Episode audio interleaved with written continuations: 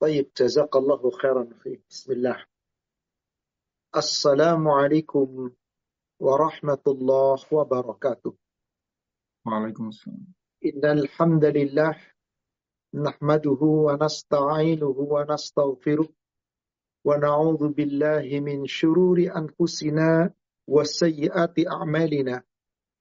من يهده الله فلا مضل له ومن يضلل فلا هادي له أشهد أن لا إله إلا الله وحده لا شريك له وأن محمدا عبده ورسوله لا نبي بعده. اللهم صل وسلم وبارك على محمد وعلى آله وأصحابه أجمعين ومن تبعهم بإحسان إلى يوم الدين أما بعد. يا أيها الذين آمنوا اتقوا الله حق تقاته ولا تموتن إلا وأنتم مسلمون معاشر المسلمين والمسلمات رحمني ورحمكم الله Bapak Ibu Jamaah Majlis Taklim Rumah Dakwah UK yang semoga dirahmati Allah dan para jamaah yang mengikuti kajian kita dimanapun berada.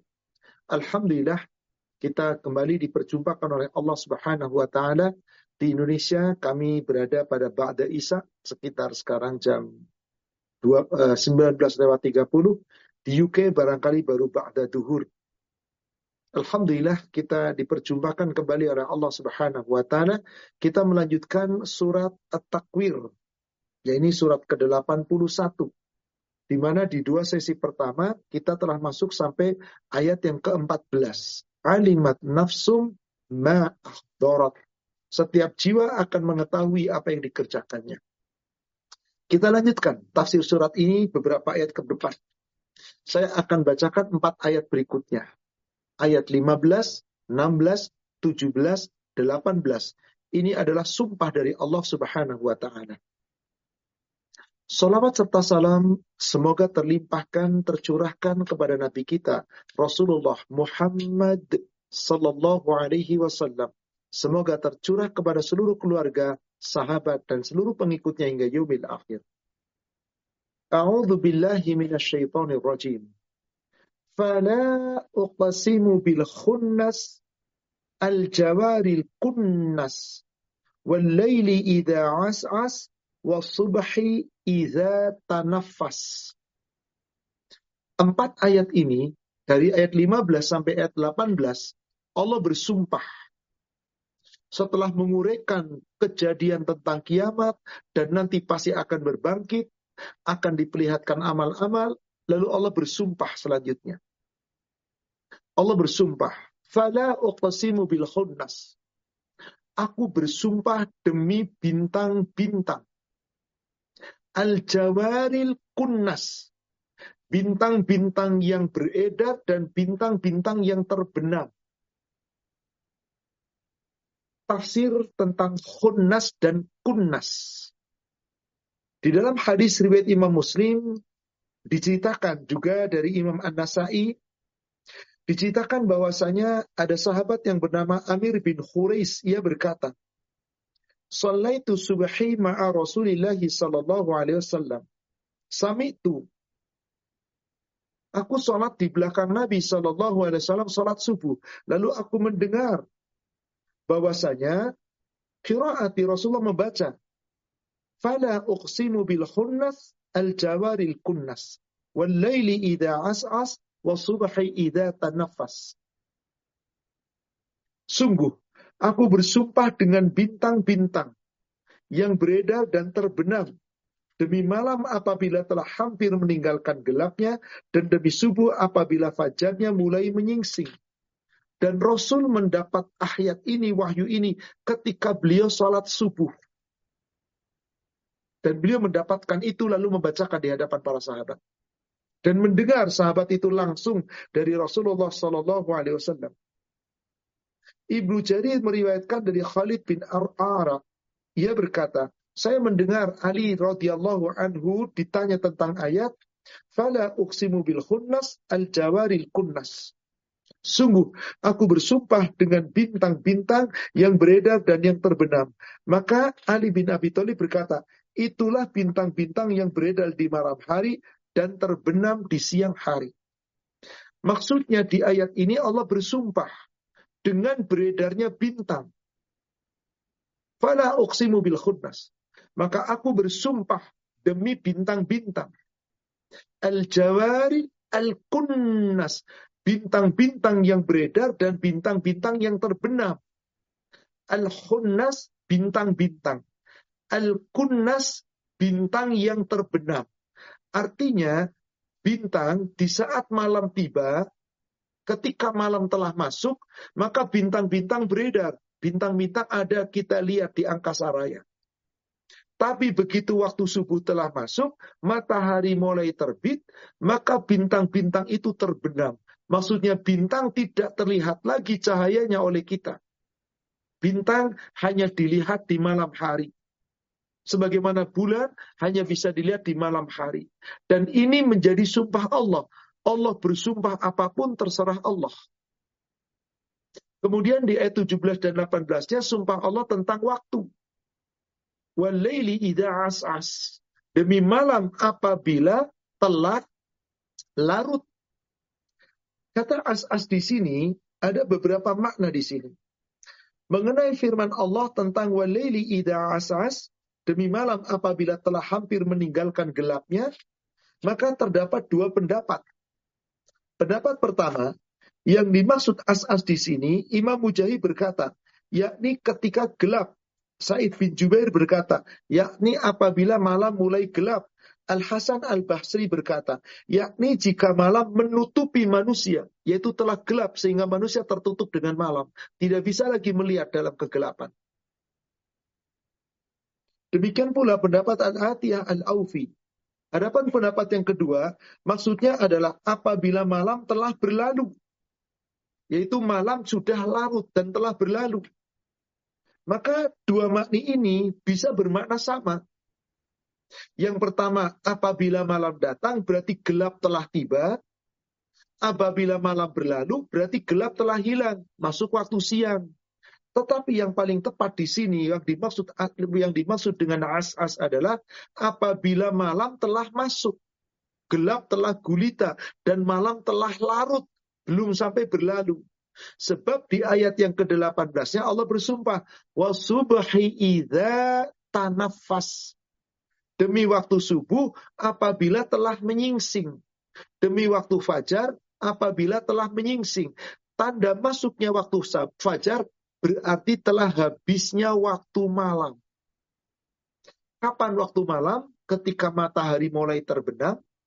Sampai kapan? Ketika fajar belum terbit. Itulah waktu malam. Itulah orang-orang ketika di bulan Ramadan atau sedang bersaum halal makan dan minum dan berhubungan suami istri. Kapan terbenamnya matahari sampai terbitnya fajar. Bukan terbit matahari, terbit fajar. Waktu subuh tiba. Maka halal makan dan minum, halal berhubungan suami istri, karena malam itu adalah malam yang gelap. Meskipun saat matahari terbenam belum gelap gulita. Masih ada cahaya yang terpendar dari terbenamnya matahari. Kapan mulai gelap gulita? Di saat masuk waktu Isya. Maka matahari total terbenam. Maka kalau dikatakan malam, kapan malam seseorang boleh makan dan minum? Di saat dia saum, di saat di bulan Ramadan, atau saum sunnah, saat maghrib masuk sampai waktu subuh tiba. Tapi kalau ditanya, kapan malam seseorang melaksanakan sholat malam? Nah ini bukan dari waktu maghrib. Melaksanakan sholat malam berdasarkan hadis yang diriwayatkan oleh Imam empat. Abu Daud, An-Nasai, Tirmizi, Ibnu Majah dari sahabat Kharijah bin Khuzafa. Dia mendengar Rasulullah Sallallahu Alaihi Wasallam bersabda, Innallaha amaddakum bis-salah hiya khairul lakum min khumrin na'am. Sesungguhnya Allah telah memberikan ibadah tambahan kepadamu melalui ibadah sholat yang apabila kamu lakukan sholat itu lebih baik dari onta-ontamu yang berwarna merah. Di zaman Nabi, kendaraan terbaik, kendaraan terkuat, onta. Kalau kendaraan tercepat untuk perang, kuda. Tapi yang terbaik, terkuat, onta. Maka yang dimaksud khumri na'am adalah onta-onta kuat yang warnanya kemerah-merahan, tanda sehat, dan badannya kuat, kekar. Kendaraan terbaik. Jadi kata Rasulullah, Allah memberikan pahala sholat, tambahan pahala untuk sholat Anda. Yang kalau Anda melaksanakan sholat ini, lebih baik dari kendaraan-kendaraan yang terbaik yang Anda miliki. Sekarang bukan khumri na'am lagi kita, bukan onta. Khumri na'am ada apa? Lihat di garasi Anda. Ada yang kuda jingkrak, Ferrari, ada yang cuma kuda, ada yang kijang, ada yang harimau hitam, panther, lion, dan seterusnya. Ada pula yang camel, merek-merek kendaraan. Artinya ketika Anda melaksanakan sholat ini, semua isi garasi Anda gak ada nilainya dibandingkan sholat ini. Lebih baik sholat ini daripada isi garasi. Kalau Anda nggak sholat, maka isi garasi Anda nggak ada nilainya di hadapan Allah. Meskipun Anda bangga dengan isi garasi Anda. Maka mendengar kata-kata itu sahabat bertanya, Kultu ya Rasulullah. Aku bertanya, wahai Rasulullah, Mahia, sholat apa itu? Yang lebih baik daripada kendaraan-kendaraan yang terbaik kita. Apa jawab Rasul? Al-witr, sholat ganjil. Bisa witir, bisa tahajud, bisa qiyamul lain. Yang penting jumlahnya dalam satu malam itu ganjil. Kapan dimulainya sholat malam? Ma antara bainal isya selesainya waktu sholat isya hatta tatlu al fajr sampai terbitnya waktu fajar. Jadi kalau dikatakan waktu untuk sholat malam, bukan dari maghrib. Dari Ba'da Isya sampai sebelum subuh. Tapi jika dikatakan malam, halal makan dan minum orang-orang yang berpuasa, halal berhubungan suami istri di malam hari, saat bintang mulai terbit sebelum bintang terbenam. Saat malam telah masuk sebelum sampai waktu fajar. Jadi itu adalah sejak malam tiba sampai sebelum waktu subuh.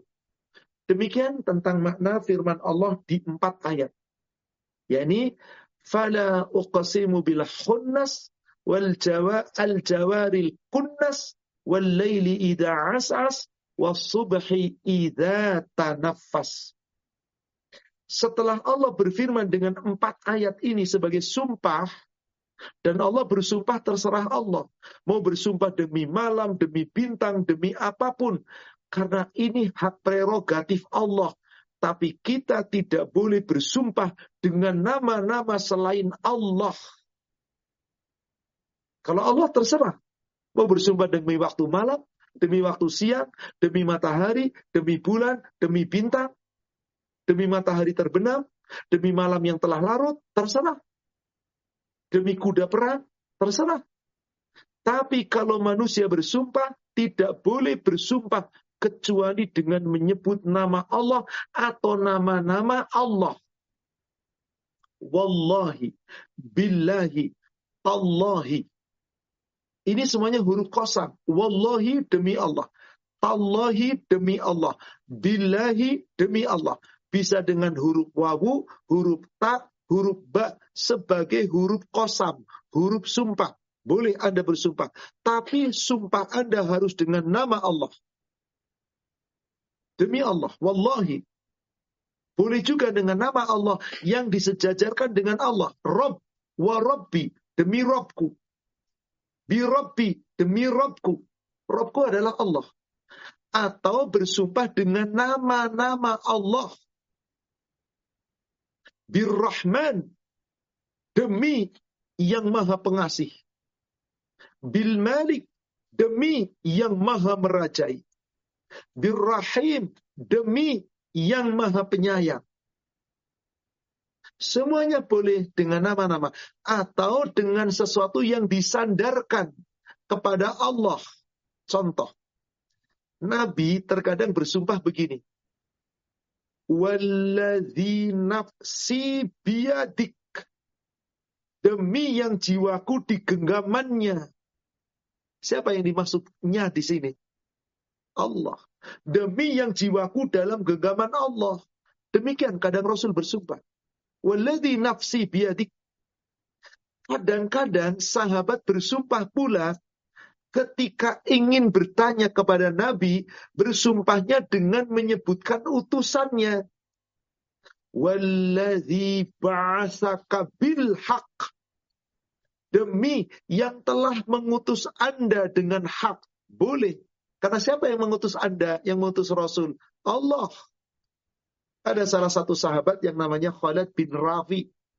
Ketika beliau sholat, bolak-balik sholat, dianggap kata Rasulullah belum sholat. Karena sholatnya nggak tumak nina. Irji' fasalli fa inna kalam tusalli. Irji' fasalli fa inna kalam tusalli. Sampai tiga kali. Hadis ini sahih, riat Imam Muslim. Setelah diperintah sholat, sudah tiga kali sholat, nggak benar juga di hadapan Rasul, maka sahabat Khalid bin Rafi ini bersumpah. Sumpahnya adalah, Walladhi ba'asa.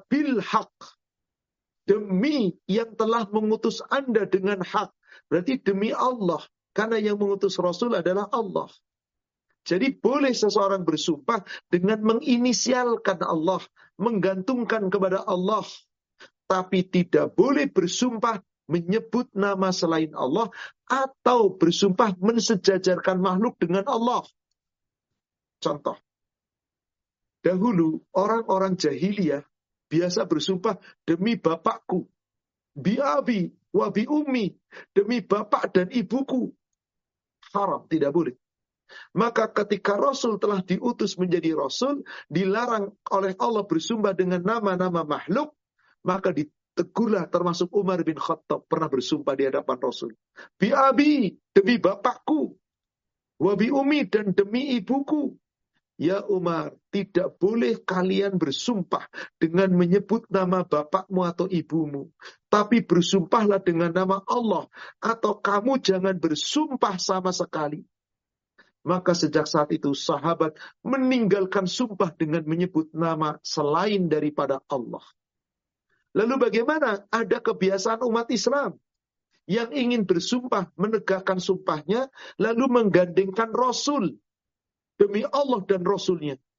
Haram ada bersumpah demikian. Pernah Rasulullah SAW marah ketika ada sahabat mengatakan, Wallahi wa rasuli, demi Allah dan demi Rasulnya. Maka Rasul mengatakan, demi Allah, kalian tidak boleh mensejajarkan aku dengan Allah. Bersumpahlah demi Allah, jangan membawa diriku dalam sumpah. Cukup, Wallahi, demi Allah. Bi Rabbi, demi Robku. Bil Ghaffar, demi zat yang maha pengampun. Demikian. Jadi dari sini kita bisa memetik kesimpulan bahwasanya ketika Allah bersumpah terserah Allah.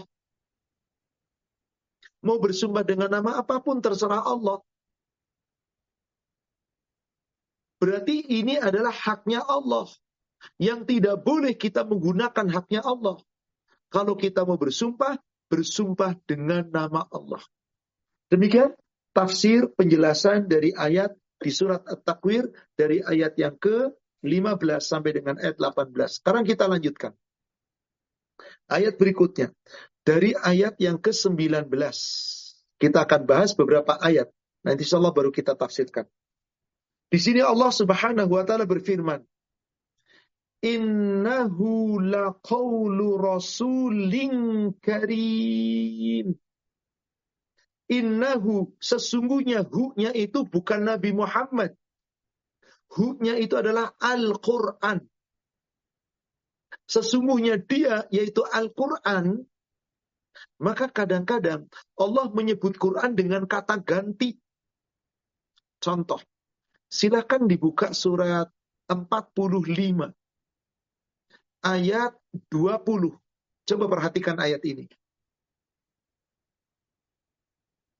Wa anna dan bahwasanya sesungguhnya hadza ini inilah ini. Allah tidak menyebutkan wa annal Quran. Enggak. Tapi wa anna hadza dan sesungguhnya inilah inilah. Jadi ketika Allah Subhanahu wa taala menyatakan Al-Qur'an, terkadang Allah tidak menyebut dengan langsung Al-Qur'an. Apa? Tadi saya keliru. Tidak ada kata-kata wa anna. Nanti ada yang lain, yang ayat yang lain. Saya tunjukkan di surat 45 ayat 20 itu dengan kata-kata hadza. Inilah inilah basairu linnas. Pedoman untuk manusia. Pedoman hidup untuk manusia. Basair. Way of life. Jalan hidup. Jalan hidup kita itu ini, kata Allah. Al-Quran. Basairu linnas. Sebagai pedoman untuk manusia wa rahmatul liqaumi yuqinun sebagai petunjuk dan rahmat untuk orang yang meyakini. Jadi Allah menunjuk dengan kata-kata hadza inilah Al-Qur'an yang dimaksud. Kata ganti daripada Al-Qur'an dengan kata tunjuk hadza. Demikian pula di surat 3 Ali Imran 138. Surat Ali Imran 138. Allah menyebut Quran dengan kata ganti. Hadza bayanul linnas. Inilah hadza itu dia Al-Qur'an. Bayanul linnas keterangan, penjelasan bagi manusia. Wahudan dan petunjuk wa mau'izatul lil muttaqin. Dan pelajaran bagi orang takwa. Allah menyebut apa Al-Quran? Hada, dengan kata tunjuk. Kadang-kadang juga Allah dengan penegasan. Wa anna, dan bahwa sesungguhnya, sungguh benar-benar. Hada, ini. Contohnya, surat Al-An'am, surat 6, 154. Di situ Allah berfirman, wa anna hadza sirati mustaqima dan bahwasanya sesungguhnya inilah jalanku yang lurus. Maka ketika Rasul ditanya, "Ya Rasulullah, apa itu yang dimaksud jalan yang lurus?" Hadzal Qur'an. Itu yang dimaksud adalah Al-Qur'an. Yang dimaksud adalah Al-Quran. Maka yang dimaksud oleh Allah bahwasanya bahwasanya ini yang dimaksud innahu sesungguhnya hu dia la qaulu rasulin karim benar-benar firman Allah yang dibawa oleh rasul. Rasul yang dimaksud di sini bukan Muhammad sallallahu alaihi wasallam, tapi utusan Allah berupa malaikat Jibril alaihi salam jadi yang dimaksud innahu laqaulu rasulin karim sesungguhnya dia Al-Qur'an itu adalah benar-benar firman Allah yang dibawa diucapkan melalui lisan malaikat Jibril. Siapa dia? Karim, Rasulin Karim, utusan yang mulia. Bukankah Jibril utusan Allah? Jadi Rasul bukan cuma manusia. Malaikat juga Rasul Allah, utusan Allah. Beda tugas. Kalau Rasul manusia, tugasnya dakwah, menyampaikan, mengajarkan, mengajak. Tapi kalau malaikat diutus oleh Allah, tugasnya berbeda-beda. Jibril tugasnya menyampaikan wahyu. Dan beberapa malaikat yang lain. Ada yang tugasnya mencabut nyawa, ada yang tugasnya kemudian mengatur urusan, ada yang tugasnya nanti menjaga neraka, menjaga surga, Semuanya ada tugas masing-masing. Maka yang dimaksud di sini kata-kata laqaulu rasulin karim adalah malaikat Jibril yang diutus oleh Allah, yang maha yang mulia, yang dimuliakan oleh Allah, yang hanya malaikat Jibril yang menyampaikan Al-Qur'an dari Lauhil Mahfuz menuju kepada Nabi sallallahu alaihi wasallam. Maka malaikat Jibril dikatakan di ayat yang ke-20-nya, "Dzi 'inda dzil arshimakin." Malaikat Jibril itu dikatakan yang memiliki kekuatan inda zil arsh dan kedudukan yang tinggi di sisi arsnya tempat singgasananya Allah yang memiliki arsh. Jadi malaikat Jibril itu dimuliakan oleh Allah dan memiliki kedudukan yang tinggi di hadapan para malaikat yang lain. Maka para pemimpinnya malaikat itu, pemimpinnya para malaikat itu adalah Jibril alaihi salam. Sayyidul malaikat. Maka Jibril dimuliakan yang menghantarkan wahyu kepada Nabi Muhammad hanya utusan Allah yang satu. Jibril alaihi salam. Tidak disentuh oleh siapa pun. Kira-kira yang mana Al-Quran yang ada di lauhil mahfuz. Maka dalam hal ini ada khilaf di kalangan para ulama terkait dengan megang Quran. Imam Syafi'i berpendapat nggak boleh kalau ini Quran mushaf dipegang itu nggak boleh. Kecuali dalam keadaan suci. Kalau Anda berhadas, nggak boleh pegang. Pendapat Imam Syafi'i. Adapun pendapat Imam Ahmad bin Hambal, muridnya Imam Syafi'i, pendapat Imam Malik bin Anas, gurunya Imam Syafi'i, dan imam pendahulu Imam Abu Hanifah, mereka berpendapat yang dimaksud Quran tidak boleh disentuh itu bukan Quran tidak boleh disentuh. Quran tidak disentuh kecuali yang disucikan oleh Allah. Siapa yang disucikan yang dimaksud? Malaikat Jibril alaihi salam. Yang dimaksud Quran bukan mushaf. Karena di zaman Rasul gak pernah ada mushaf. Adanya suhuf, lembaran-lembaran. Tapi yang dimaksud mushaf di sini adalah ini. Yang ada di kita mushaf Adapun yang dikatakan oleh Allah tidak disentuh itu adalah bukan mushafnya, tapi Quran yang di lauhil mahfuz. Coba perhatikan surat Al-Waqi'ah. Surat Al-Waqi'ah, yakni surat 56.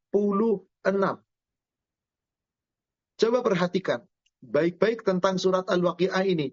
Yang dimaksud apakah itu Perhatikan dari ayat 77. Innahu sesungguhnya dia ini nih yaitu Al-Qur'an la Qur'anun karim. Benar-benar ini Quran yang sangat mulia. Quran yang di mana? Quran yang disimpan di Lauhil Mahfuz. Maka dikatakan di ayat ke-78-nya, fi kitabim maknun kitab Al-Quran itu adalah kitab yang terpelihara, tersimpan di lauhil mahfuz. Seluruh Al-Quran, firman Allah, sebelum disampaikan bertahap kepada Nabi Muhammad, disimpan di lauhil mahfuz. Yang berhak menyampaikan dari lauhil mahfuz kepada Nabi Muhammad hanya satu. Jibril alaihi salam. Siapakah dia yang dimaksud? Lihat ayat 79-nya. La yamassuhu la yamassuhu. Tidak ada yang bisa menyentuhnya yaitu Quran yang di Lauhil Mahfuz. Illal mutahharun. Kecuali hamba yang disucikan. Siapa yang dimaksud yang disucikan? Malaikat Jibril. Dari mana Quran itu? Ayat ke-80-nya. Tanzilu diturunkan dari Allah Rabbul Alamin maka yang dimaksud ayat sini bukan berarti nggak boleh orang yang tidak suci lagi haid, lagi nifas, lagi junub, belum butuh.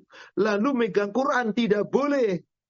Nah ini sebagian ulama di antaranya pendapat Imam Ash-Syafi'i dan mazhab dari Imam Ash-Syafi'i. Dari pengikut Imam Ash-Syafi'i. Nggak boleh megang. Kecuali kalau ada terjemahannya dan macam-macam. Tapi tiga imam yang lain mengatakan yang dimaksud di sini bukan tidak boleh megang Quran, Al-Quran mushaf, tapi Quran yang ada di lauhil mahfuz. Maka andai kata sekedar memegang tidak masalah. Kenapa? Karena tidak ada kewajiban. Hanya memang sunnahnya, abdulnya, mustahabnya. Ini kitab suci firman Allah. Jika Anda hendak memegang, maka peganglah dalam keadaan Anda suci. Tapi tidak kewajiban harus bersuci. Harus wudhu dulu. Nah, tidak ada kewajiban itu. Tetapi yang paling baik, mustahab adalah hendaknya Anda suci. Tapi sekali lagi, bukan menjadi kewajiban. Demikian Wallahu a'lam. Maka jika ada perdebatan, ada perbedaan di antara kalangan, di antara para jamaah, ada yang meyakini tidak boleh megang Quran, ya monggo silahkan. Ada yang meyakini boleh memegang Quran, ya monggo silahkan. Yang jelas, yang jelas bukan larangan secara mutlak yang dilarang Allah. Tentang surat Al-Waqi'ah, dari ayat 77 sampai ayat 80 khobar dari Allah tentang Quran yang mulia yang tersimpan di Lauhil Mahfuz yang tidak ada yang bisa menyentuh untuk diturunkan. Kecuali malaikat Jibril alaihi salatu wassalam. Kecuali malaikat Jibril. Karena malaikat Jibril itulah yang diutus oleh Allah untuk menurunkan Al-Quran maka Nabi Shallallahu Alaihi Wasallam mendapatkan wahyu Al-Quran dari mana? Dari malaikat Jibril. Dan Jibril itu dipuji oleh Allah sebagai apa? Makhluk yang sangat cerdas. Jibril yang sangat kuat. Coba kita perhatikan surat An-Najm, surat 53. Allah Subhanahu wa taala berfirman dari ayat 3. Wama yantiqu anil hawa.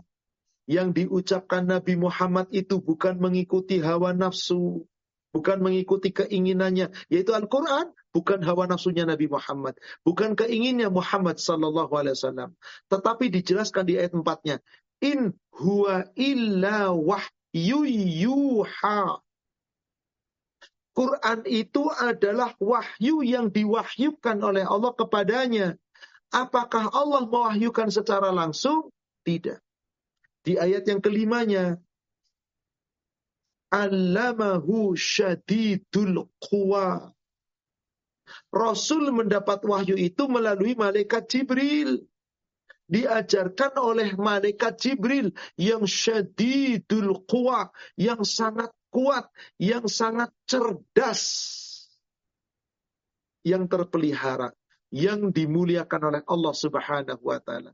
Inilah yang dimaksud surat At-Takwir ayat yang ke-19 dan ayat yang ke-80 tadi bahwasanya ketika Allah berfirman innahu laqaulun karim sesungguhnya dia yaitu Quran ini ini Al-Qur'an ini adalah benar-benar firman Allah yang dibawa oleh utusan Allah yang mulia yaitu malaikat Jibril. Yang memiliki kekuatan, yang memiliki kedudukan yang tinggi di sisi Allah yang memiliki arsy. Sudah kita terjemahkan tadi dengan surat An-Najm, juga kita sudah terjemahkan tadi di surat Al-Waqiah. Dengan demikian ayat 19 ayat 20 tentang Al-Qur'an kita cukupkan. Kita lanjutkan sekarang. Ayat ke-21. Malaikat Jibril itu adalah muta'in sama amin. Malaikat Jibril adalah malaikat yang ditaati oleh seluruh malaikat yang lain dan dipercaya. Karena malaikat Jibril pemimpin para malaikat. Malaikat Jibril penghulunya para malaikat. Malaikat Jibril disegani oleh seluruh malaikat atas izin Allah. Atas izin Allah.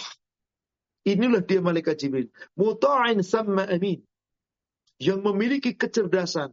Maka malaikat Jibril lah malaikat yang senantiasa turun membawa wahyu kepada Nabi Sallallahu Alaihi Wasallam yang terkadang wahyu itu dibawa oleh malaikat Jibril dalam wujud asli sebagai malaikat. Kadang-kadang berupa apa? Menyerupai laki-laki yang berpakaian putih berambut hitam. Kadang-kadang datang tidak melalui makhluk yang ada, tapi dengan gemerincingnya seperti suara-suara gemerincing. Lalu langsung masuk ke dalam dada Nabi Shallallahu Alaihi Wasallam. Itulah cara malaikat Jibril menyampaikan wahyu Allah kepada Nabi Shallallahu Alaihi Wasallam. Maka karena Al-Quran turun dari Allah, melalui malaikat yang kuat, yang dipercaya, yang dimuliakan, yang dihormati, yang selalu benar, disampaikan kepada seorang hamba sodukul masduk yaitu Muhammad sallallahu alaihi wasallam. Soduk yang benar masduk yang dibenarkan. Maka Nabi Muhammad adalah sodukul masduk yang selalu benar dan dibenarkan. Berarti Nabi Muhammad menyampaikan bukan dengan hawa nafsu Nabi Muhammad menyampaikan Quran bukan menurut keinginan tapi Al-Quran itu adalah firman Allah yang dibawa oleh malaikat Jibril. Maka dikatakan, ketika pertama kali wahyu turun kepada Nabi Muhammad, juga ketika pertama kali Rasulullah Isra dan Mi'raj, di mana saat itu orang-orang Quraisy tidak percaya, hampir 100% gak ada yang percaya. Siapa yang pertama kali percaya? Abu Bakar As-Siddiq. Maka Abu Bakar diberikan gelar As-Siddiq. Yaitu apa? Yang selalu membenarkan apa-apa yang disampaikan Nabi Sallallahu Alaihi Wasallam. Ketika ayat turun Abu Bakar yang pertama membenarkan Islam. Ketika Nabi diutus menjadi Rasul, Abu Bakar yang pertama menerima Islam. Ketika Nabi Isra dan Mi'raj, tidak ada yang percaya. Yang percaya pertama kali adalah Abu Bakar As-Siddiq. Sehubungan dengan itulah kemudian Allah mengatakan kepada Abu Bakar melalui ayat ini. Yaitu di ayat ke-22. Masahibukum bimajnun. Temanmu itu ya Abu Bakar bukan orang gila. Abu Bakar, hei Abu Bakar, Nabi Muhammad dituduh orang Quraisy gila. Majnun. Allah katakan, temanmu bukan orang gila. Wa ma sahibukum bi majnun. Dengan ayat ini turun Nabi Muhammad disampaikan tentang kebenaran-kebenarannya. Abu Bakar makin yakin apa yang disampaikan Nabi bukan karangan Nabi. Sebab sebagian besar orang-orang kafir Quraisy ketika itu menganggap Nabi itu tukang sihir, Nabi itu tukang sair, Nabi itu pembohong, pembawa berita dusta, ngarang-ngarang. Abu Bakar yang pertama kali percaya. Untuk itu ayat ini Allah turunkan kepada Abu Bakar. Abu Bakar, temanmu bukan orang gila. Karena yang pertama kali meyakini tentang Al-Quran dari kalangan laki-laki Abu Bakar Siddiq. Dari perempuan? Khadijah, isi Nabi. Maka tidak dikatakan tamanmu itu. Kalau Khadijah itu, Nabi itu adalah zaujan. Pasangannya. Bukan mungkin dikatakan sahabatnya. Tapi memang secara bahasa Arab, dalam kaidah bahasa Arab, istri, suami terkadang disebutkan oleh Allah di dalam Al-Quran as-sahib. Sahib. Sahabat. Yang dimaksud adalah sahabat yang selalu bersama-sama ke mana pun, tidur pun bareng. Ah, suami istri. Kadang Allah sebut suami istri itu sahib. Coba lihat surat 80. Dari ayat yang ke 33. Fa'idha ja'atil sohhof maka apabila telah ditiup sangkakala yang kedua, Yauma yafirrul mar'u min akhi. Maka pada hari itu manusia lari dari saudaranya. Wa sahibatihi wa bani. Sahib. Apa terjemahan sahib di situ? Istri bagi para suami. Karena ayat ini turun kepada Nabi Muhammad, Nabi Muhammad menyampaikan di hadapan kalangan laki-laki, maka terjemahannya lari dari istrinya. Coba perhatikan. Lari dari istrinya. Padahal sahib bukan cuma istri. Kalau yang baca ibu perempuan, sahibnya ibu siapa? Nggak mungkin istri lesbian kalau gitu isi Anda perempuan. Suami bagi isi, sahib berarti jadi makna sohib itu apa? Yang dekat, yang selalu menyertai, yang selalu bersama. Itulah sohib. Kadang-kadang sohib itu ditujukan kepada pasangan. Tapi ayat yang dimaksud di surat At-Takwir ini, wama sahibukum bimajnun, temanmu ini tidak gila, ayat ini ditujukan kepada Nabi eh, kepada Abu Bakar Siddiq, "Hai hey Abu Bakar, temanmu nih Muhammad nih yang dikatakan gila oleh orang-orang kafir Quraisy, tidak, dia tidak gula. Dia tidak gila. Muhammad itu jujur. Muhammad ini benar. Dia telah benar-benar mendapat wahyu dari malaikat Jibril. Bahkan Nabi Muhammad menemui malaikat Jibril, berjumpa dengan malaikat Jibril. Benar-benar dalam keadaan melihat wujud asli. Coba perhatikan ayat 23-nya. Sekarang kita masuk ayat 23. Walaqad ra'ahu bil ufuqil mubin. Dan sungguh dia Muhammad sallallahu alaihi wasallam benar-benar melihat Jibril dalam bentuk asli di ufuk yang sangat terang. Sampai ayat 23 saya hentikan dulu, saya akan jelaskan tafsirnya di beberapa ayat. Coba kita kembali ke surat An-Najm, surat 53. Kita kembali ke surat An-Najm. Tadi sudah kita baca sampai ayat 5. Coba sekarang ke ayat 6-nya. Malaikat Jibril itu zumirrotid fastawa. Mempunyai keteguhan, mempunyai kekuatan. Dan Jibril itu menampakkan diri dalam rupa yang asli. Kapan? Saat Rasulullah Mi'raj ke Sidratul Muntaha. Disambut oleh malaikat Jibril dalam wujud yang asli. Kita langsung saja menuju ke ayat berikutnya. Coba kita sih lihat tentang Nabi Muhammad bahwa betul-betul melihat malaikat Jibril dalam wujud yang asli. Ayat ke-13-nya langsung. Surat 53 langsung ke ayat 13. Walaqad ra'ahu nazlatan ukhra. Dan sungguh benar-benar Nabi Muhammad itu telah melihat malaikat Jibril dalam rupanya yang asli pada waktu yang lain. Yaitu saat beliau mi'raj. Dilihat malaikat Jibril. Wujud yang asli. Kapan itu terjadi? Inda sidratil muntaha. Di saat Rasul mi'raj sampai di sidratul muntaha Indaha jannatul ma'wa. Di mana di dekatnya ada surga tempat tinggal yang tinggi. Ayat ke-16-nya. Id yaghshas ma yaghsha. Ketika itu malaikat Jibril dilihat oleh Nabi Muhammad. Nabi Muhammad benar-benar melihat malaikat Jibril dalam bentuk yang asli. Ketika Sidratul Muntaha diliputi oleh kabut. Jelas dengan ayat ini. Nabi Muhammad pernah melihat malaikat Jibril dan itu adalah tanda-tanda kebesaran Allah. Walaqad ra'ahu nazlatan ukhra inda sidratil muntaha. Indaha jannatul ma'wa. Jadi jelas Nabi Muhammad pernah melihat malaikat Jibril.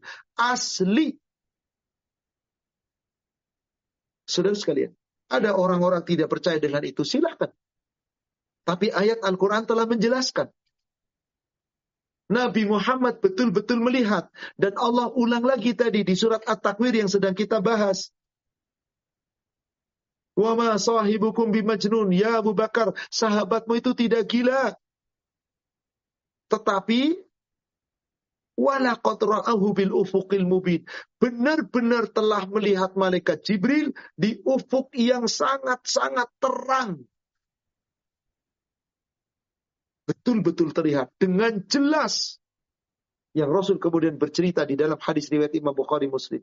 Jibril memiliki seratus sayap yang semuanya terbentang bahkan menutup ufuk sampai tertutup dengan adanya Jibril. Gagahnya, besarnya, agungnya malaikat yang dimuliakan oleh Allah. Tapi maaf ada jangan bayangin. Lalu dilukis malaikat Jibril set badannya ini kayak kuda lalu punya pesan, punya punya sayap. Ah itu manusia bohong dusta. Para sahabat tidak pernah ada yang bertanya kepada Rasul dengan detail. Ketika Rasul sudah menyampaikan ini, sahabat sami'na wa ata'na.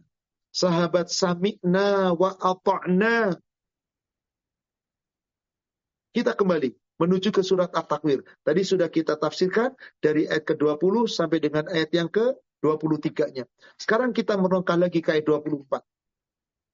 Wa ma huwa 'alal ghaibi bidhanin. Dan dia Nabi Muhammad tidak bakhil, tidak kikir terhadap apa? Terhadap menerangkan sesuatu yang gaib sepanjang Rasul tahu. Ingat, sepanjang Rasul tahu. Ustadz, katanya ada yang gaib itu yang tahu hanya Allah.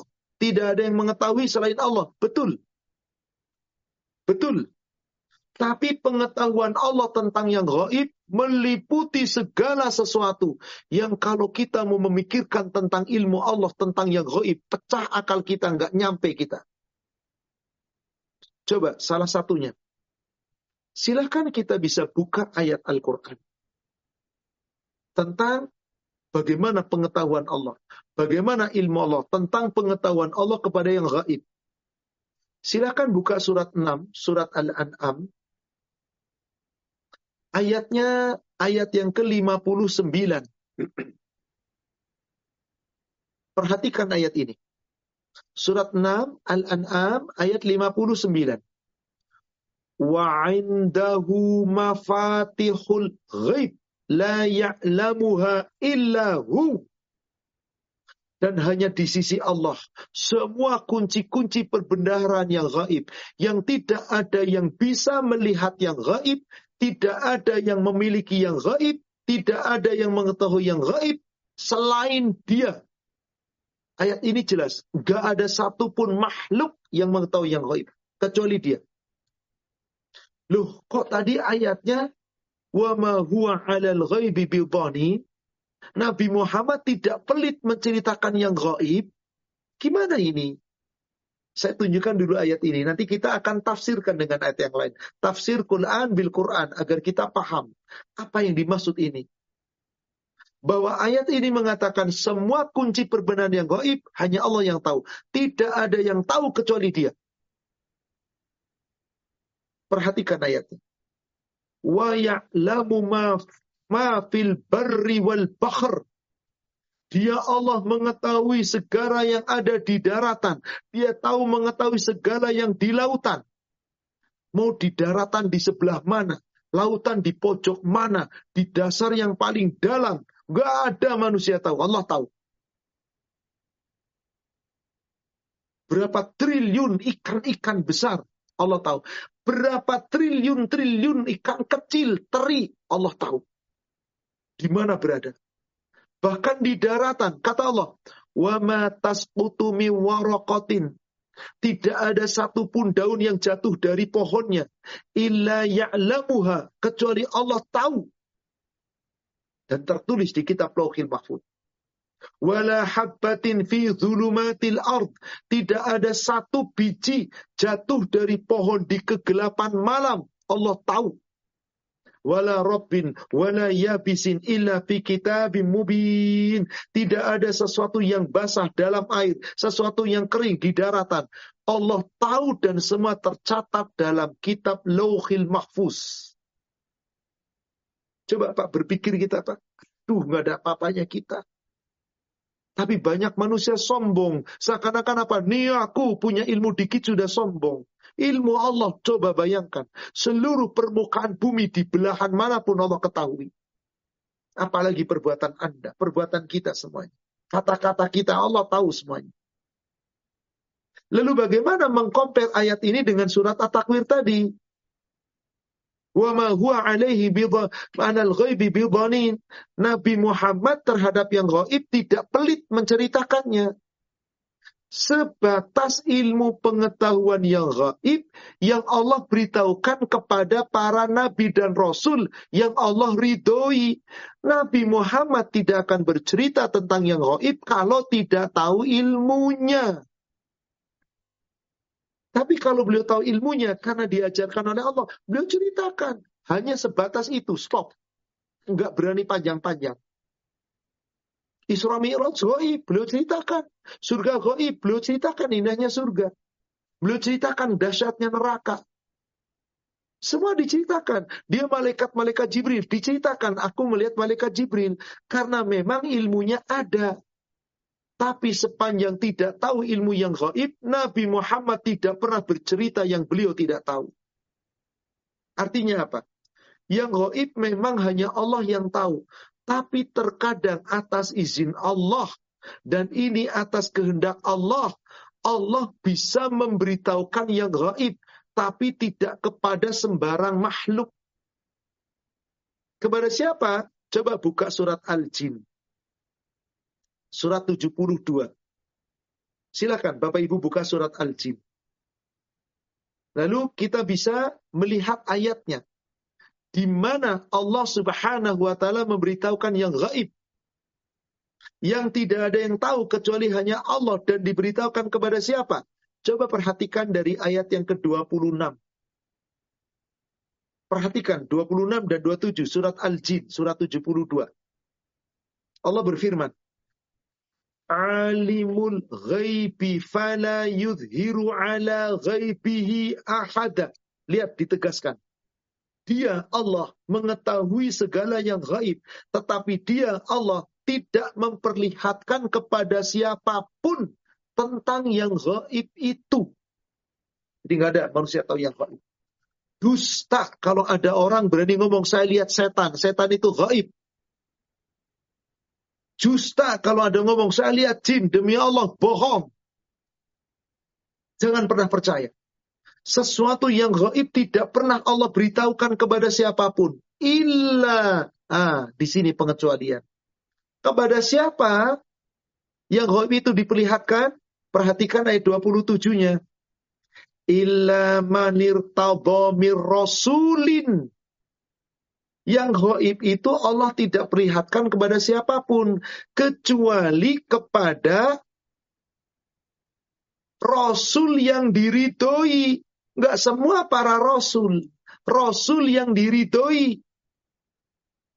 Illa kecuali manir yang diridhoi min rasulin dari rasul jadi tidak semua rasul.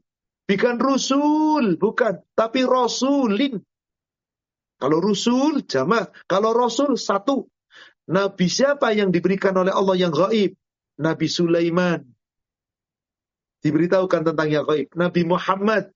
Diberitahukan yang gaib. Itu pun sebagian, tidak semuanya. Nabi Musa.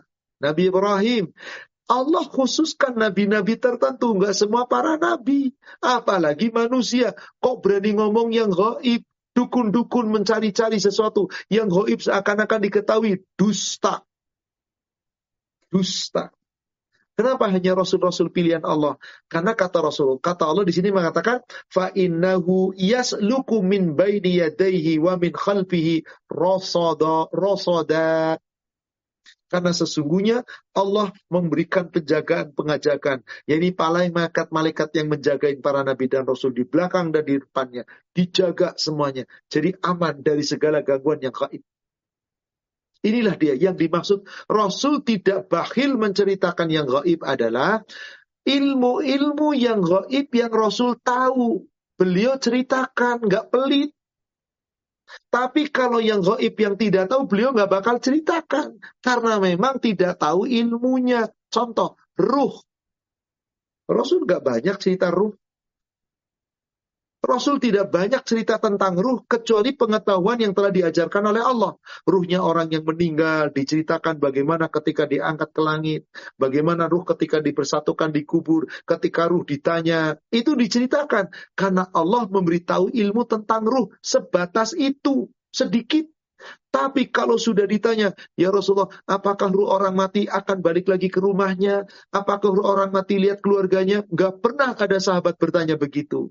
Dan Rasul kalau ditanya tentang ruh, selama beliau nggak tahu ilmunya cuma satu jawabannya. Saya nggak tahu. Ilmu ruh bukan ilmu saya. Itu ilmunya Allah. Saya tahu ilmu tentang ruh cuma sedikit. Tuh, Nabi loh yang mengatakan itu. Zaman sekarang ada orang sok tahu ruh manusia itu kalau udah mati datang loh tiap malam Jumat, datang ke rumahnya, liatin keluarganya. Dari mana Anda bisa cerita seperti itu? Pendusta yang cerita seperti itu. Lihat surat 17 ayat 85. Surat Al Surat Al-Isra ayat 85. Wa yas'alunaka 'anir ruh dan mereka bertanya kepadamu ya Muhammad tentang ruh. Qul, katakan ya Muhammad, ar-ruhu min amri rabbi. Ruh itu bukan urusanku. Ruh itu urusan Rabbku. Wa ma utitum minal ilm illa qalila. Aku tidak diberitahu oleh Allah tentang ilmu ruh kecuali sedikit sekali. Maka yang aku tahu tentang ilmu yang gaib, tentang ruh dan seterusnya, maka aku ceritakan kepada kamu. Yang aku tidak tahu, aku nggak tahu. Jawabannya cuma satu, urusan Allah. Lupa. Inilah manusia yang kadang-kadang sok tahu. Maka yang gaib Allah memberitahukan itu kadar yang memang Allah inginkan dan tidak semua manusia itu pun hanya kepada Rasul. Rasul pun tidak semua Rasul. Rasul yang diridhoi.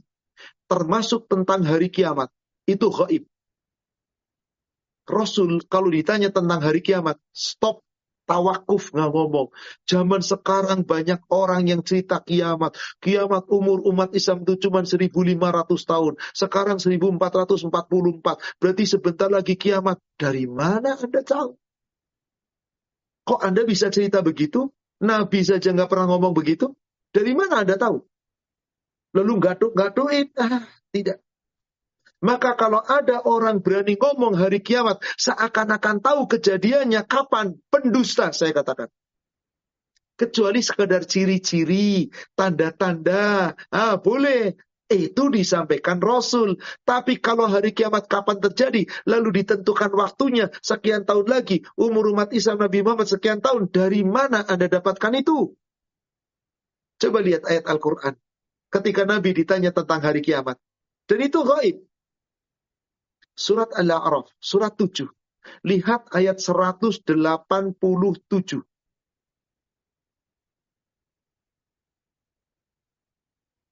Ketika Nabi Shallallahu Alaihi Wasallam ditanya tentang kiamat, jawabannya cuma satu. Coba perhatikan.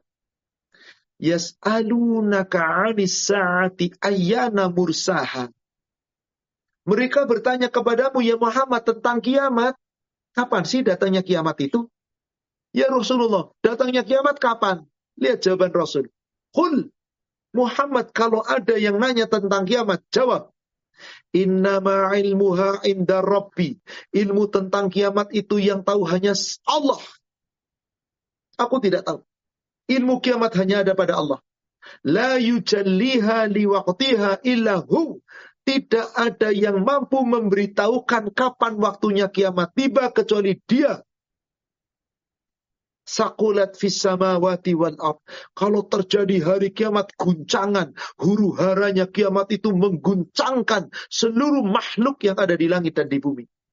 La ta'tikum illa baghtah. Kiamat itu tidak akan datang kepadamu kecuali datangnya baghtah, tiba-tiba. Nggak ada yang ngasih tahu. Diulang lagi. Yas'alunaka ka'annaka hafiyun anha. Mereka bertanya kepadamu ya Muhammad tentang kiamat seakan-akan kamu tahu kapan kiamat itu. Kul Muhammad, kalau ada yang nanya kepadamu tentang kiamat, jawab saja. Innama ilmuha indallah. Ilmu tentang kiamat aku nggak tahu. Itu gaib, hanya Allah. Walakinna aktaron nas la ya'lamun. Tapi kebanyakan manusia tidak tahu. Dan banyak belasan ayat Al-Quran tentang kiamat yang Rasul tidak bisa menjawab. Hanya Allah ciptakan, hanya Allah yang tahu. Yakini saja sudah. Pernah suatu ketika sahabat bertanya tentang Rasulullah kepada hari kiamat. Ya Rasulullah, mata sa'ah. Hadis ini sahih riwayat Imam Muslim. Ketika Rasulullah ditanya tentang mata sa'ah, kapan kiamat tiba? Rasul memandang laki-laki yang nanya. Dipandang dari atas sampai ke bawah. Dari kepala terus tolak balik. Rasul cuma nanya balik. Ma'adatulaha. Kamu nanya tentang kiamat bekal apa yang sudah kamu persiapkan untuk kiamat? Itu yang ditanya Rasul. Maka laki-laki itu tunduk. Malu dia. Makasir ya Rasulullah. Belum banyak ya Rasulullah.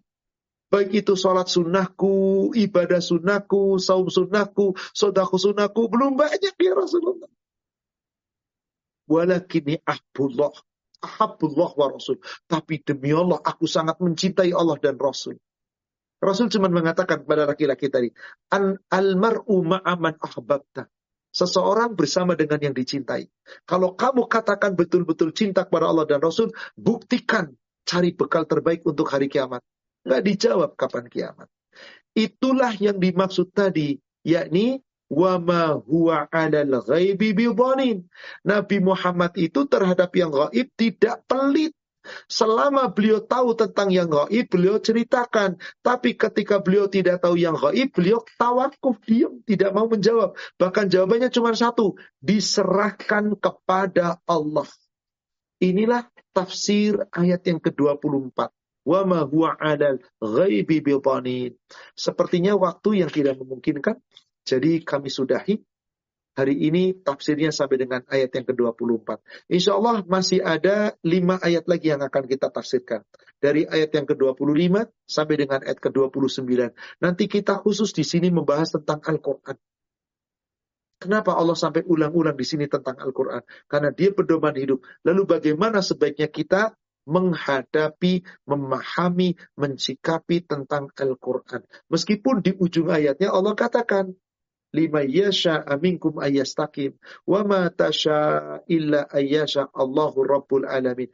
Kita bahas lima ayat terakhir dari surat At-Takwir dari ayat 25 sampai 29 insyaallah di pertemuan bulan depan. Semoga Allah berikan kita waktu luang, Allah berikan kita kesehatan, kita berjumpa kembali insya Allah. Demikian tafsir At-Takwir yang kita bahas hari ini dari ayat 15 sampai dengan ayat 24. Wallahu a'lam. Kami kembalikan kepada admin. Silahkan akhirolan kita bisa lanjutkan dengan sesi tanya jawab. Ya kalau khair Ustaz pas uh, kajiannya. Um, mungkin ini sambil menunggu pertanyaan yang masuk Ustaz. Saya kalau boleh bertanya. Silakan. Uh, ini kalau dilihat dari struktur uh, surat At-Takwir ini kayaknya dibagi dua ya Ustadz ya. Maksudnya dari ayat 1 sampai 14-nya itu sepertinya kabar tentang yang gaib. Hari kiamat betul. Terus kemudian dari 15 dan seterusnya itu sebenarnya uh, yang tadi isinya yang tadi Ustadz bilang sumpah dari Allah uh, dan dilanjutkan nanti sampai um, apa itu tentang isi Quran dan bagaimana kita mempedomaninya gitu ya Ustaz ya. Tadi terkait Kira-kira dengan yang seperti itu Pak. Betul. Jadi Allah menekankan kepada yang gaib-gaib kejadian-kejadian tentang peristiwa kiamat dan seterusnya yang pada akhirnya nanti amalmu pun diperlihatkan. Sebab pada masa turun Quran ini, ingat surat-surat yang ada di Juz Amma termasuk mufasal-mufasal pendek. Itu banyak sekali Allah bersumpah di sana dengan apa yang Allah inginkan sumpah. Karena saat itu banyak orang-orang Quraisy yang menentang kebenaran yang disampaikan oleh Nabi. Mereka menolak. Sehingga ada sindiran-sindiran Allah, ada penegasan-penegasan Allah, ada sumpah-sumpah Allah, ada ancaman-ancaman Allah tentang kiamat. Supaya mereka timbul rasa takut, penasaran, ingin tahu. Tapi ternyata tidak juga kebanyakan orang kafir Quraisy pada bebal sampai 13 tahun lamanya Rasul di Mekah, akhirnya kan seakan-akan gagal kan sampai diusir Rasulullah. Yang pada akhirnya atas izin Allah dan tentu doanya Nabi dan terus menerus tidak pernah mendendam. Orang Quraisy Mekah saat Fatu Mekah yang tadinya nolak Islam berbondong-bondong masuk agama Islam. Ketika turun surat An-Nasr Idza jaa nasrullah. Jadi yang dulunya menolak pada akhirnya terima, Pak. Dari mana itu keturunan-keturunan pembesar-pembesar yang sudah dimatikan melalui perang Badar, melalui perang yang lain, atau dimatikan secara umur. Sehingga pembesar-pembesar mati, pengikut-pengikutnya kehilangan arah. Datanglah di situ Rasulullah membawa kebenaran, membawa semangat dan bahkan memberi kabar gembira. Siapa yang mau meninggalkan ajaran agama yang lalu menuju Islam Allah ampuni. Maka saat itu turun satu ayat yang memberikan kabar gembira untuk musuh-musuh Islam. Abu Sufyan, Khalid bin Walid, yang saat itu belum masuk Islam. Turun surat 8 ayat 38. Saat Rasul sampai Mekah, sedianya mau perang, Fatu Mekah, ternyata tidak ada peperangan. Umat-umat orang Mekah nyerah tanpa syarat apa pun. Bahkan setelah nyerah, berbondong-bondong masuk Islam. Satu ayat yang Allah turunkan. Surat 8 ayat 38. Qul Muhammad katakan. Lilladzina kafaru kepada orang-orang kafir. Yang dimaksud orang kafir yang masih ada di Mekah tuh.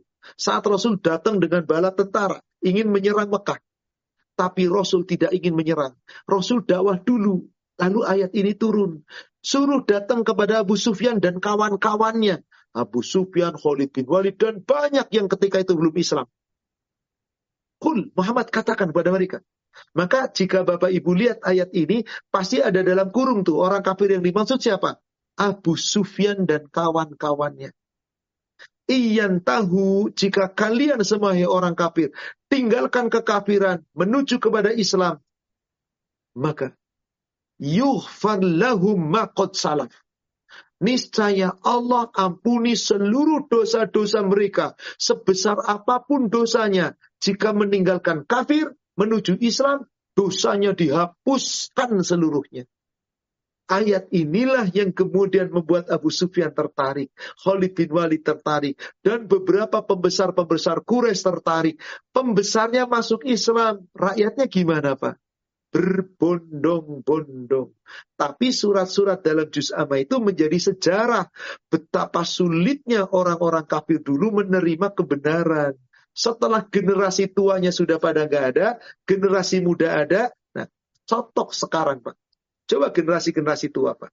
Yang sudah biasa mengadakan bid'ah, yang sudah mengadakan biasa uh, suatu hurafat, itu disuruh rubah susah banget Pak. Karena sudah mengakar di sini. Tapi generasi berikut yang mau berubah, belajar, insya Allah. Dia menerima kebenaran. Kira-kira seperti itu Pak. Betul yang Bapak katakan. Jadi seakan-akan ada di situ tentang yang goib diberitakan, ancaman-ancaman, kemudian perintah ajakan. Yuk kita ikuti apa yang disampaikan Nabi. Demikian Allah a'lam. Ya kalau harus. Jadi biasanya surat-surat yang awal di Makiyah itu isinya tipikalnya sama ya Ustaz ya? Iya. Tauhid Pak. Memurnikan keesaan. Dan di sini isinya kebanyakan apa? Berita-berita goib yang akan terjadi. Kiamat, pembalasan, itu ceritanya banyak sekali. An-Naba ceritanya kiamat. Tetapi ketika di An-Nazi'at, Allah tidak ceritakan. Kecuali di ujung ayat, dari ayat 40, itu cerita. Yas'alunaka anis sa'ah ayyana mursaja, mursaha. Fima anta min dikroha, innama anta mungziru mayyakshaha. Inilah ayat-ayatnya. Tapi begitu sampai nanti kepada surat yang berikutnya, kiamat lagi, cerita kiamat lagi. At-takwir kiamat, al-infitor kiamat, al-insyiqaq kiamat, kiamat, kiamat, kiamat. Karena dulu mereka tidak percaya dengan itu. Wallahu a'lam. Ini udah ada satu pertanyaan yang masuk, mungkin saya Silakan. share screen dulu.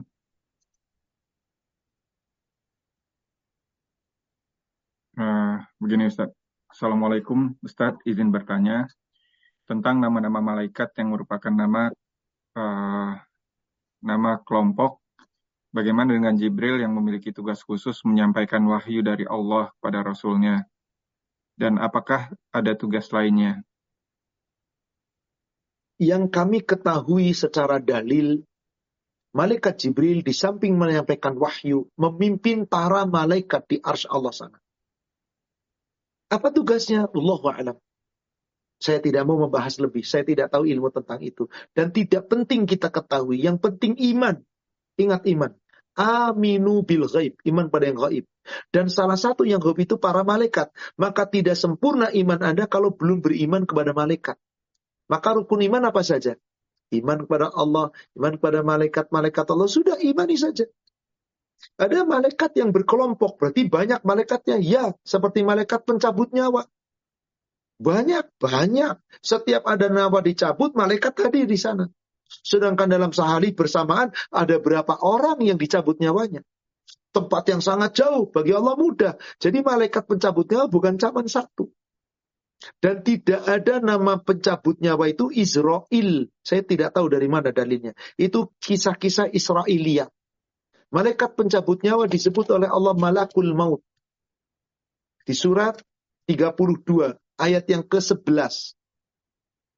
Kul malakul mautillati wukila bikum summa ila rabbikum turja'un. Katakanlah, malaikat maut yang diperintah Allah diserai tugas mencabut nyawamu, pasti mencabut nyawamu. Lalu diserahkan nyawamu pada Allah. Malaikatul maut. Lalu malaikat yang ada di kanan dan di kiri lebih dikenal dengan Rokib dan Atid. Saya tidak tahu dari mana nama itu. Ayat Al-Quran yang menyebut Rokib dan Atid bukan nama malaikat. Silakan bisa periksa surat 50 dari ayat 17 dan ayat 18. Ma yalfidhu min qawlin illa ladaihi raqibun atid. di ayat 18 -nya. Adapun di ayat 17-nya Allah berfirman, Ih, ingatlah, ya talaqqal mutalaqqiyan anil yamin wa anil shimal qaidun ketika Allah mengutus dua malaikat, yang satu tetap duduk sebelah kanan, yang satu tetap duduk sebelah kiri, qaidun tetap di sana. Ma yalfidu min qaulin illa ladaihi raqibun atidun. Silakan lihat ayatnya, ayat 18. Apa yang dimaksud raqib? Selalu mengawasi. Apa yang dimaksud atid? Selalu siap siaga, mencatat, nggak pernah lengah, jadi kedua-duanya rokibun hatidun. Itu sifatnya malaikat, tugasnya malaikat. Selalu mengawasi dan siap siaga mencatat. Nggak pernah lengah. Bukan ini namanya rokib, ini atid. Nggak ada dalil itu. Tapi sudah kadung terkenal rokib, atid. Jadi malaikat-malaikat yang diberi nama oleh Allah dan ada dalam Al-Quran, antaranya siapa? Jibril. Lalu siapa? Mikail. Lalu siapa? Harut dan Marut.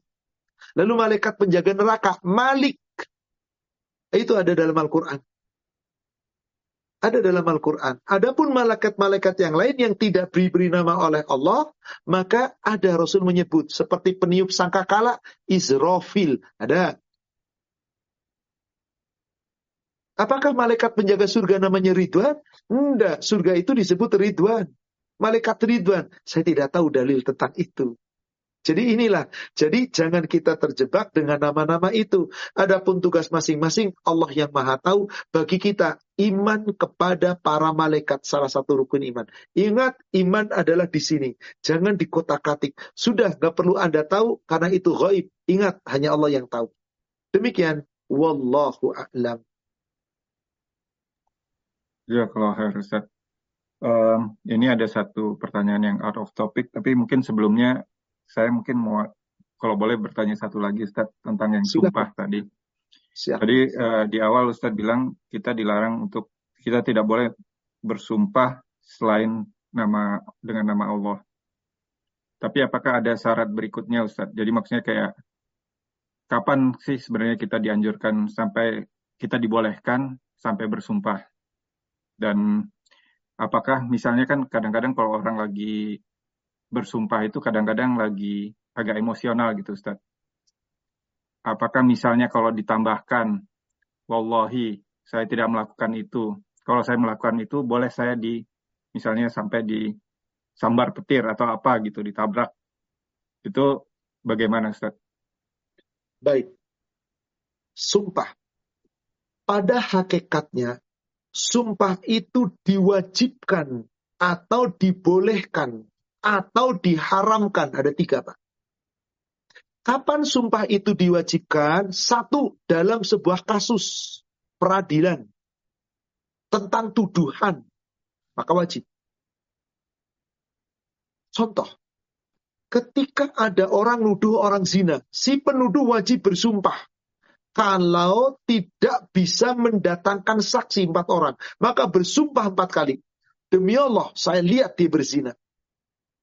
Kenapa? Karena urusan zina itu luar biasa hukumannya. Kalau nggak dirajam mati karena sudah nikah, dicambuk seratus kali.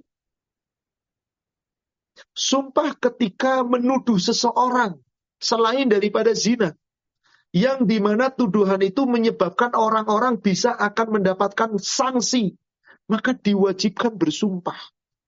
Sumpah ketika seseorang berperkara di hadapan hakim, lalu mengatakan dirinya dua-duanya benar, maka diwajibkan bersumpah.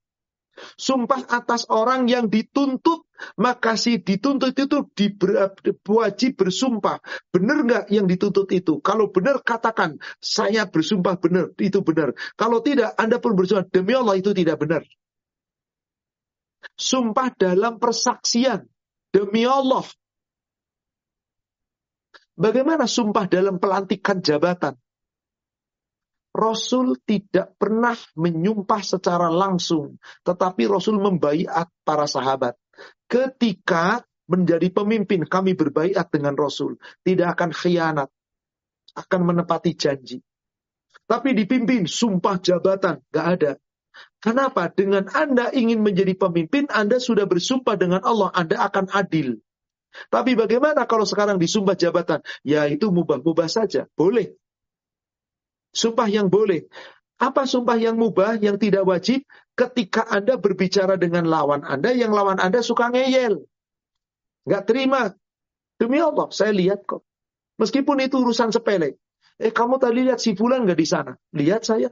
Oh, saya nggak lihat. Lihat saya, saya ketemu kok dengannya. Saya nggak lihat, ah nggak ada.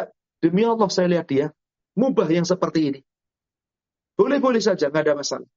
Tapi hal seperti ini jangan dikit-dikit sumpah. Adapun sumpah yang dilarang dan itu haram adalah jika Anda bersumpah dengan tujuan untuk mengkhianati. Jika Anda bersumpah dengan tujuan mengambil hak orang. Jika Anda bersumpah dengan menyebut nama Allah tapi untuk sesuatu yang haram. Dusta. Ah ini tidak boleh. Jika Anda tetap bersumpah, maka Anda akan berhadapan dengan Allah Pertanyaan kedua, Ustadz, gimana tadi kalau sumpah itu diembel-embeli? Demi Allah begini, kalau saya nggak begini, maka sambar geledek, maka saya akan begini, saya akan ini dan itu, dan seterusnya. Maka sumpah seperti itu ada dalam kasus-kasus tertentu yang Islam menyebut mubahalah. Orang Indonesia lebih keren lagi, Pak. Diinovasi, sumpah pocong. Dipocong lalu suruh sumpah mengada-ada. Nggak perlu dengan seperti itu. Biar serem, biar ini. Nggak perlu Anda telah mengada-ada. Untuk apa? Dan nggak ada pocong itu. Hanya cerita-cerita di Indonesia. Yang ada mubahalah. Apa sih asbabun nuzulnya ayat ketika Allah perintahkan Rasul mubahalah? Karena ketika itu ahli kitab, orang Nasrani, orang Yahudi, tidak mau menerima dakwahnya Rasul mengatakan Rasul dengan bawa Quran itu dusta. Mengatakan yang disampaikan Rasul itu tidak benar. Semua yang disampaikan Rasul itu dibantah. Mereka membela diri. Nih kitab Taurat yang benar. Nih Injil yang benar. Tapi telah diselewengkan. Maka Rasul diperintah oleh Allah. Kalau mereka ahli kitab masih membantahmu ya Muhammad tentang kebenaran Al-Quran, kamu boleh mubahalah. Ayatnya surat 3. Ali Imran ayat ke-61. Coba perhatikan ayat ini. Surat 3 Ali Imran ayat 61. Faman hajjaka. Maka apabila mereka mendebat kamu, membantah kamu, yaitu mereka dibasut ahli kitab yang nggak terima Quran. Maka fihi pada itu, yaitu dalam hal setelah Nabi Muhammad menyampaikan kebenaran, mimba dimaja akaminal ilm, setelah datang kepadamu ya Muhammad ilmu pengetahuan, Al-Quran disampaikan tapi mereka membantah, fakul. Katakan sama mereka yang bantah. Yang membantah kebenaran Quran. Ta'alau nad'u ana wa abna'akum wa nisa'ana wa nisa'akum wa anfusana wa anfusakum. Yuk panggil bapak-bapakmu, bapak-bapakku, istri-istriku, istri-istrimu, anak-anakku, anak-anakmu, diriku, dirimu, yuk kumpul bareng, yuk kita bersumpah. Summa nabtahil fanaj'al la'natallah 'alal kadhibin. Yuk kita bermubahalah dengan sumpah. Jika siapa yang dusta dalam sumpahnya, laknat Allah ditimpakan pada orang dusta. Yang ini nggak boleh sembarangan, Pak. Gara-gara masalah dikit, you mau bahala. Demi Allah, saya bersumpah, jika saya begini, laknat Allah. Nekat orang seperti itu. Kecuali Anda di atas kebenaran. Dan ini urusan akidah. Jangan urusan duit dikit, mubahala. Tuntut-tuntutan, dituntut-tuntut, tutup korupsi, mubahala. Untuk apa? Sudah, kalau memang ada korupsi, katakan korupsi. Saya mubahala, yuk kita mubahala. Kalau memang di atas kebenaran, monggo. Tapi lawan Anda belum tentu mau mubahala. Kalau dia dusta, gak bakal berani. Karena mubahala itu hanya orang yang di atas kebenaran, Pak. Jika ada orang dusta kok berani mubahala, ini nekat. Karena laknat Allah tertimpa langsung di dunia. Ini di ayatnya tentang mubahala. Maka tentang ini jangan sembarangan. Ini hanya terkait dengan urusan akidah, Pak urusan agama, urusan dinullah atau urusan-urusan yang besar yang bisa menimbulkan madorot orang banyak, bukan hanya merugikan pribadi. Wallahu a'lam. Demikian. Jazakallah khair Ustaz. Um, ini saya akan screen uh, share screen untuk pertanyaan yang berikutnya Ustaz. Ini kebetulan out of topic, tapi uh, tetap diminta untuk ditanyakan. Boleh Silakan. tanya di luar tema Ustaz. Allah meridhoi hambanya yang sholat di awal waktu. Tapi saya pernah dengar bahwa untuk sholat isya disunahkan di akhir waktu. Mohon pencerahannya, Ustaz. Ya, kalau khair. Betul. Hadisnya sahih, riwayat Imam Bukhari. Dan juga riwayat Imam Muslim. Tapi ada asbabul wurudnya.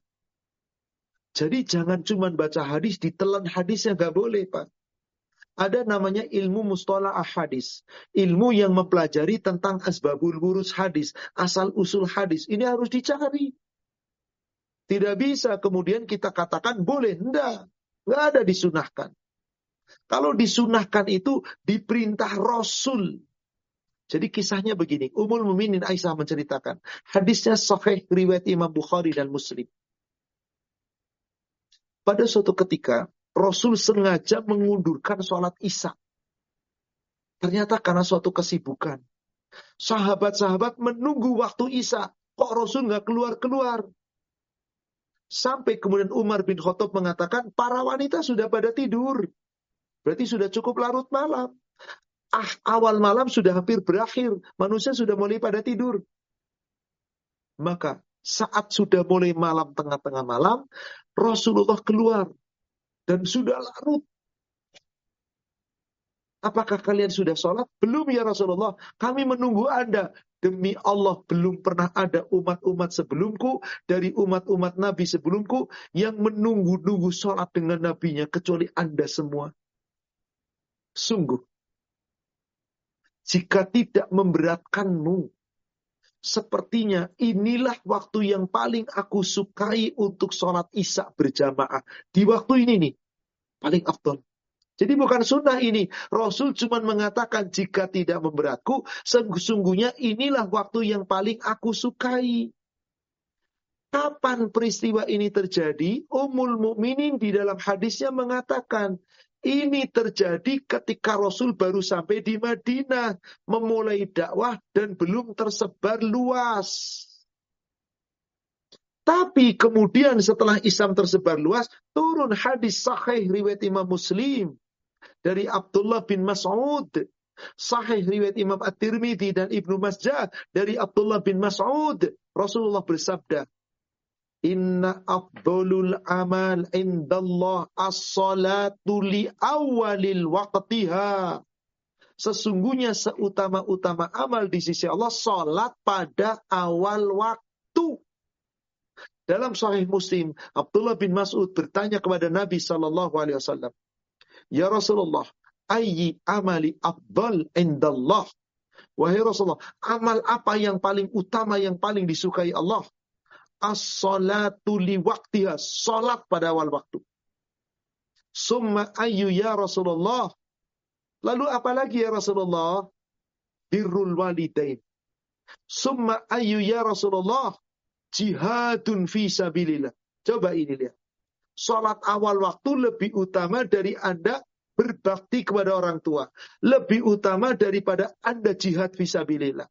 Maka sejak perintah Allah ini turun, lalu Allah turunkan surat 8 ayat 24, Silakan periksa surat 8 ayat 24 Allah perinmarkan di sana. Ya ayyuhalladzina amanus tajibu lillahi walir rasul idza da'akum lima yuhyikum. Hai orang-orang yang beriman, penuhilah panggilan Allah dan Rasul. Seruan Allah dan Rasul. Jika Allah dan Rasul memanggil kamu. Coba panggilan Allah yang selalu kita dengar lima waktu apa? Azan. Kalau sudah dengar azan, penuhi. Maka sejak saat ini tidak pernah Rasul sengaja menunda waktu sholat isya. Demikian asbabul burusnya. Jangan kemudian ada hadis ditelan. Nih sunnahnya Betul ada ustadz yang mengatakan sunnahnya sholat isya itu jangan awal waktu nanti di akhir malam. Keliru cara memahami hadis, dia tidak dibahas secara utuh hadisnya. Karena riwayat itu ada beberapa hadis saudara sekalian. Wallahu a'lam. Satu pertanyaan terakhir, Rafi. Sepertinya sudah jam 9, sudah cukup larut. Baik, Ustaz. Uh, saya kembali akan share screen. Uh, ini masih out of topic juga nih Ustaz Afwan. Silakan. Assalamualaikum Ustaz Afwan izin bertanya. Uh, saya pernah mendengar tentang seorang bila meninggal du, meni, bila meninggal dunia jauh dari tempat lahirnya adalah lebih baik tidak perlu dibawa kembali ke kampung halamannya. Adakah dalil sahihnya Pak Ustadz? Jazakallah khair. Maksudnya kalau dia sudah merantau, maka ketika meninggal gak perlu jasadnya dibawa ke tempat kelahiran, begitu ya? Kelihatannya begitu Ustaz. Pengertian saya juga begitu. Adakah dalilnya kalau dalil secara spesifik dilarang membawa jasad ke tempat kelahiran asalnya? Saya tidak tahu dalil itu. Tapi kalau dalil secara umum, Rasul perintahkan, segerakan penguburan jenazahmu. Kalau dia orang baik, maka dia akan datang sampai kepada kebaikannya. Kalau dia orang yang tidak baik, maka kamu lepaskan beban-beban dari pundakmu. Maka dengan dalil ini telah sepakat ulama, sebaik-baik pengurusan jenazah itu segera kuburkan. Kalau Anda pindahkan ke tempat asal, coba Anda di UK. Kira-kira dibawa ke Indonesia berapa lama, Pak? Ngurus surat-surat di sana ngurus tiket pesawat di sana, dinaikkan ke pesawat, nunggu di pesawat, mendarat di bandara, dibawa lagi, bisa berhari-hari Anda tunda kebaikan orang. Ketika itu orang yang tidak baik, Anda terkena beban-beban keburukannya. Nah, inilah dalilnya. Maka Allah katakan di surat 31 ayat 34. Ayat terakhir tentang yang gaib. Di antara yang gaib di ujung ayatnya Allah katakan, wa ma tadri nafsum bi ayyi ardin tamut tidak ada seorang pun yang tahu di mana dia akan mati di bumi mana dia mati yang penting Anda mati di mana Anda mati segera urus dan kuburkan Berarti yang terbaik nggak usah kita mindahkan jenazah ke tempat asal asalnya, kelahirannya. Dan Bapak Ibu nggak perlu Anda wasiat. Tolong nanti kalau saya mati, saya aslinya orang Jawa Tengah. Tolong jasad saya dibawa ke Jawa Tengah. Tolong kuburkan di samping istri saya, suami saya, orang tua saya. Memang mau ngapain? Mau reuni di kuburan? Nggak perlu. Coba, ada nggak wasiatnya para sahabat begitu? Kecuali Abu Bakar dan Umar. Itu bukan wasiat, keinginan yang pada akhirnya minta izin kepada Aisyah. Minta izin. Bapaknya loh padahal Abu Bakar. Ya umul mukminin. Manggil anaknya umul mukminin. Aku minta izin, andai kata aku meninggal, bolehkah aku dikebumikan di sampingnya kekasihku, saking cintanya. Diizinkan oleh umul mukminin. Umar bin Khattab pun sama, diizinkan. Hanya itu, yang lainnya enggak tuh. Lihat pahlawan-pahlawan Uhud. 70 syuhada di Uhud. Apakah dipindah ke Baki? Enggak, tetap di sana tuh. Jadi tentang di mana Anda dikuburkan nggak penting. Yang penting Anda bawa bekal apa di tempat kuburan Anda. Itu. Surat 59 ayat 18. Tolong ini yang dijadikan patokan. Nggak usah repot di mana Anda dikubur. Tapi sibuklah dengan bekal apa yang sudah Anda miliki. Ya ayyuhalladzina amanu taqullah wal tanzur nafsum ma qaddamat li ghad wattaqullah innallaha khabirum bima ta'malun. Hai orang yang beriman, coba kamu introspeksi diri, perhatikan. Hendaklah tiap diri-diri kamu perhatikan bekal apa yang sudah kamu miliki untuk bekal hari esok, untuk bekal kiamat, untuk bekal kematian. Ingat tadi pertanyaan sahabat, ya Rasulullah kapan hari kiamat? Rasul tanya apa? Kamu sudah punya bekal apa untuk kiamat? Udah sibukkan dengan bekal amal ibadah tentang matimu dikubur di mana terserah Anda yang masih hidup karena fardu kifayah. Jadi yang masih hidup ketika mau mati nanti jangan wasiat tentang kematian nanti di sini nggak perlu. Sama sekali tidak perlu. Maka wasiat-wasiat yang seperti itu tidak perlu dijalankan. Tidak ada dosa sama sekali.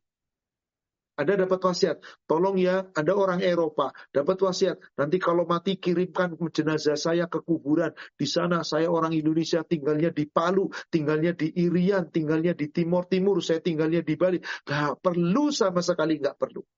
Gak perlu ada wasiat. Biarlah di negeri kafir dikuburkan, tidak ada masalah. Yang penting akidah kita bukan kafir. Demikian, Wallahu a'lam. Semoga membawa manfaat dan hikmah.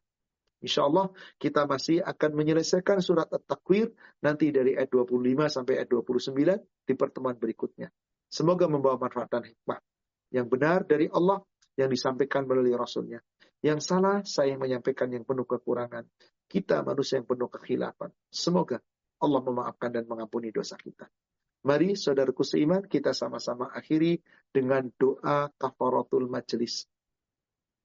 Subhanaka Allahumma wa bihamdika ashhadu an la ilaha illa anta astaghfiruka wa atubu ilaih. Alhamdulillah billahi taufik. Assalamualaikum warahmatullahi wabarakatuh. Waalaikumsalam warahmatullahi wabarakatuh. Alhamdulillahirrahmanirrahim. Kepada semuanya, terutama kepada moderator, akhirolan, jazakallah khairan, barakallah fik. Kepada semua jamaah, jazakumullahu khairan, barakallah fikum. Saya mohon pamit oh, ya. lebih dulu. Ya, Ustaz. Alhamdulillahirrahmanirrahim. Jazakallah khair Ustaz atas waktu dan ilmunya. Semoga kajian kali ini bermanfaat bagi kita semua. Untuk menyimak kembali kajian kali ini dan kajian-kajian sebelumnya, silakan kunjungi channel YouTube kami di channel Rumah Dakwah UK ataupun lewat platform RSS, Apple maupun Google Podcast. Kami dari panitia mohon maaf jika ada kekurangan dan kesalahan. Barakallahu fikum. Wassalamualaikum warahmatullahi wabarakatuh.